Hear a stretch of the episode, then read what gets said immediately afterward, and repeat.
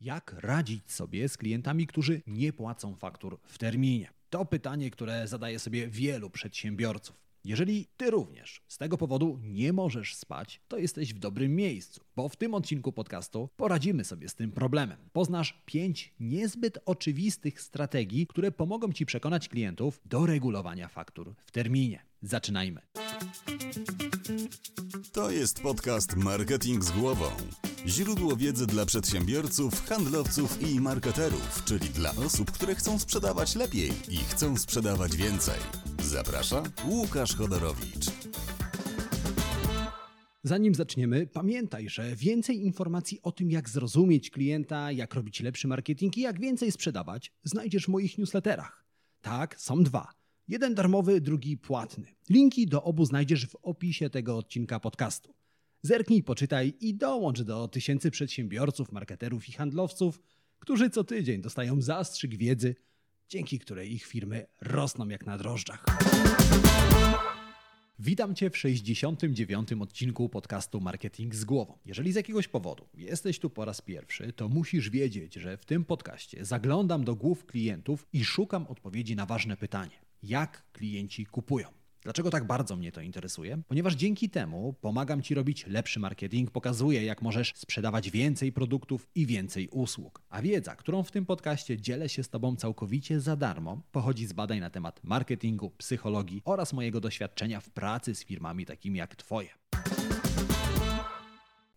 Łotewskie Ministerstwo Finansów od zawsze borykało się z podatnikami, którzy nie płacili podatków w terminie. Groźby i kary nie miały na opornych większego wpływu. Dlatego w 2016 roku, gdy problem stał się naprawdę duży, władze postanowiły wypróbować coś innego, a mianowicie ekonomię behawioralną.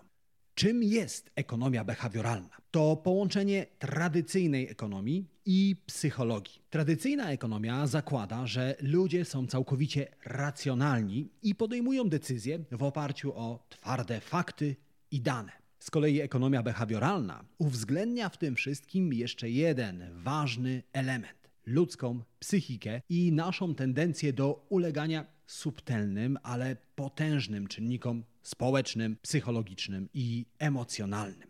Wobec tego Łotewskie Ministerstwo Finansów zamiast tradycyjnego listu z ponagleniem i groźbami przygotowało nowe pismo. Z nowego pisma podatnicy dowiedzieli się, że znakomita większość rodaków już zapłaciła swoje podatki. Niby nic wielkiego. Zaledwie kosmetyczna zmiana, pomyślisz. Tym bardziej nikt nie spodziewał się, że pismo w takiej formie wpłynie na opornych podatników, którzy niemal natychmiast uregulowali swoje zobowiązania wobec państwa. Tak, wiem, ty nie ściągasz od swoich klientów podatków. No ale przyznasz, że tobie również zależy na tym, żeby klienci płacili swoje zobowiązania, szczególnie te wobec ciebie, w terminie. Wobec tego przyjrzyjmy się temu, co ekonomia behawioralna może zrobić w kwestii terminowego regulowania Twoich faktur. Przygotowałem dla Ciebie pięć strategii, które pomogą Ci przekonać klientów do tego, żeby płacili faktury w terminie. Pierwsza strategia polega właśnie na tym, żebyś udowodnił swoim klientom, że inni, pozostali klienci już opłacili swoje faktury. Czyli to strategia bardzo podobna do tej, którą wykorzystało łotewskie Ministerstwo Finansów. Jednak zanim zdradzę Ci, jak dostosować tą strategię do swojej firmy, opowiem Ci o tym, dlaczego ona w ogóle jest tak skuteczna, no i skąd się wzięła. A jej historia sięga lat 80. ubiegłego wieku, gdy dwaj psycholodzy społeczni, James Wilson i George Kelling, ukuli tak zwaną teorię zbitej szyby. Według tej teorii, według psychologów, już coś tak nieznaczącego jak zbita szyba w budynku przy jakiejkolwiek dzielnicy może przyczynić się do rozwoju fali wandalizmu. Według teorii ta jedna zbita szyba była sygnałem dla ludzi, dla potencjalnych wandali, że w społeczeństwie jest przyzwolenie na takie zachowanie.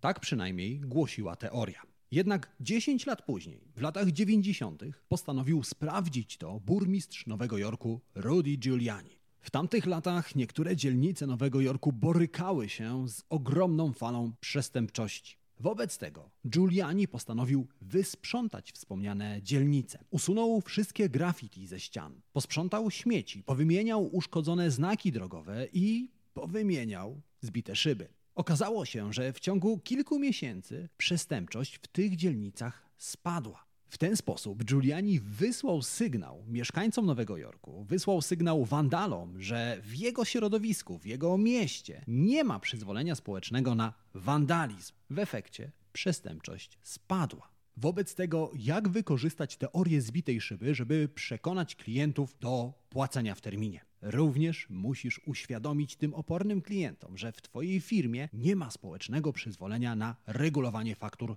po terminie. Jak to zrobić? Wystarczy, że napiszesz na fakturze jedno krótkie zdanie. Proszę o wpłatę w terminie, tak jak pozostali klienci. W ten sposób wysyłasz sygnał opornym klientom, że wpłata po terminie jest pewnego rodzaju odstępstwem od normy, że nie ma przyzwolenia społecznego na takie zachowania. Proste, prawda? A do tego zwróć uwagę, że praktycznie nic cię to nie kosztuje. Druga strategia polega na zabraniu klientowi rabatu za regulowanie faktur po terminie. Firmy na ogół stosują odwrotną strategię. To znaczy nagradzają swoich klientów rabatem za płatności w terminie. Jeżeli klient zapłaci fakturę w terminie, może liczyć na niewielki rabat przy następnej transakcji. Jednak ta strategia w praktyce nie działa zbyt dobrze. Dlatego lepiej, jeżeli na początku dasz klientowi rabat i zabierzesz go w razie, gdy klient ureguluje fakturę po terminie. Dlaczego? Ponieważ u podstaw tej strategii leży pewien mechanizm psychologiczny, który nazywamy niechęcią do straty. Według tego mechanizmu bardziej napędza nas chęć uniknięcia straty niż chęć zysku. Gdybym teraz dał ci 100 zł, to wydarzyłyby się dwie rzeczy. Po pierwsze, bardzo byś się ucieszył, a po drugie, pobiegłbyś opowiedzieć znajomym o tym podcaście. Do czego nawiasem mówiąc i tak gorąco cię zachęcam, pomimo tego, że nie rozdaję tutaj pieniędzy. W każdym razie ucieszyłbyś się z dodatkowej stówy, prawda? Jednak badania dowodzą, że gdybyśmy odwrócili tą sytuację i to ty miałbyś dać mi 100 zł, to ból psychologiczny, który odczuwałbyś w związku z tą stratą, byłby dwa razy silniejszy niż radość, która towarzyszyłaby otrzymaniu 100 zł. Innymi słowy, gdy tracisz 100 zł, bardziej cierpisz niż cieszysz się, gdy tą samą kwotę zyskujesz. Wobec tego my ludzie jesteśmy bardziej zdeterminowani i bardziej zmotywowani, żeby unikać strat. Jak to wszystko się ma do rabatów za faktury regulowane w terminie?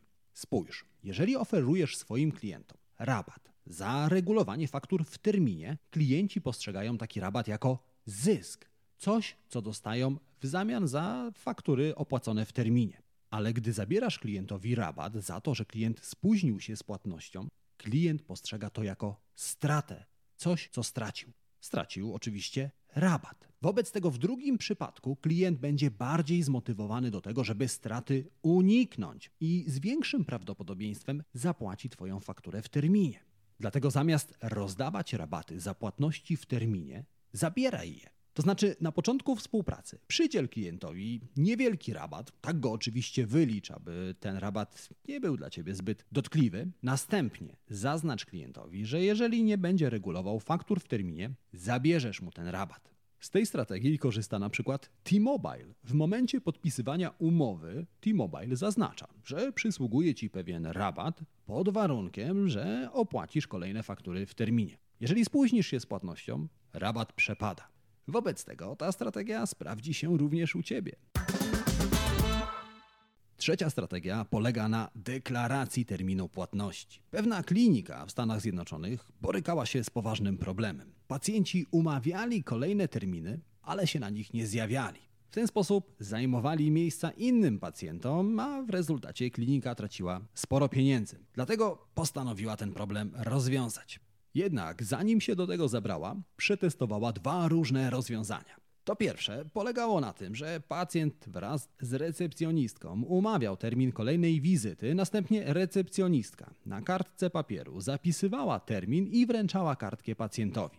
W drugim scenariuszu wszystko wyglądało bardzo podobnie, z tym, że w tym wypadku to pacjent sam zapisywał na kartce termin kolejnej wizyty. A więc w pierwszym wypadku termin zapisywała recepcjonistka, W drugim wypadku robił to pacjent. A więc pacjent niejako deklarował, że przyjdzie na umówioną wizytę tego i tego dnia. I co się okazało? Ano okazało się, że w pierwszym przypadku, gdy recepcjonistka wypisywała termin wizyty, na wizyty nadal nie przychodziło aż 41% pacjentów. Jednak w drugim wypadku, gdy pacjent sam deklarował termin wizyty, ta liczba opuszczonych wizyt spadła do 26%. 15% mniej tylko dlatego, że pacjent sam zadeklarował termin wizyty. 15%. Mam nadzieję, że to wybrzmiało odpowiednio. Wobec tego, jeżeli klient zadeklaruje Tobie termin spłaty faktury, możesz podnieść ilość faktur zapłaconych w terminie o 15%. Dlatego przed rozpoczęciem współpracy zapytaj klienta, w jakim terminie chce regulować faktury. Czy chce, abyś wystawiał faktury z 7-dniowym, 14-dniowym, a może 21-dniowym terminem płatności? Jasne, większość klientów powie, że chce dłuższy termin na uregulowanie płatności. No ale w zamian za to ty masz większą pewność, że klient zapłaci w terminie. Dodatkowo możesz wzmocnić ten efekt, jeżeli klient podpisze tobie taką deklarację, na przykład w formie umowy albo po prostu zwykłej deklaracji, że zobowiązuje się do regulowania faktur w terminie. No i spójrz, znowu nic cię to nie kosztuje. Czwarta strategia polega na ułatwieniu klientowi zapłaty. Jedną z zasad skutecznej perswazji jest redukowanie tarcia. Tarcia, czyli oporu, trudności, z którymi borykają się klienci podejmując decyzje albo podejmując jakąkolwiek akcję. Na czym polega redukowanie tarcia, zobrazuję Ci opowiadając historię pewnych dwóch restauracji, które znajdują się, a raczej znajdowały się w mojej miejscowości. Obie restauracje były do siebie bardzo podobne. Obie znajdowały się na tej samej ulicy, obie serwowały podobne, równie dobre dania. Jednak jedna z tych restauracji nadal działa, a druga zamknęła się po kilku miesiącach. Co ciekawe, w miejscu tej zamkniętej restauracji otworzyła się kolejna, która również przetrwała tylko pół roku. Dlaczego? Ponieważ ta druga restauracja nie umiała zredukować tarcia. Wejście do pierwszej restauracji znajduje się tuż przy ulicy. Goście muszą pokonać zaledwie trzy schody, żeby wejść do restauracji.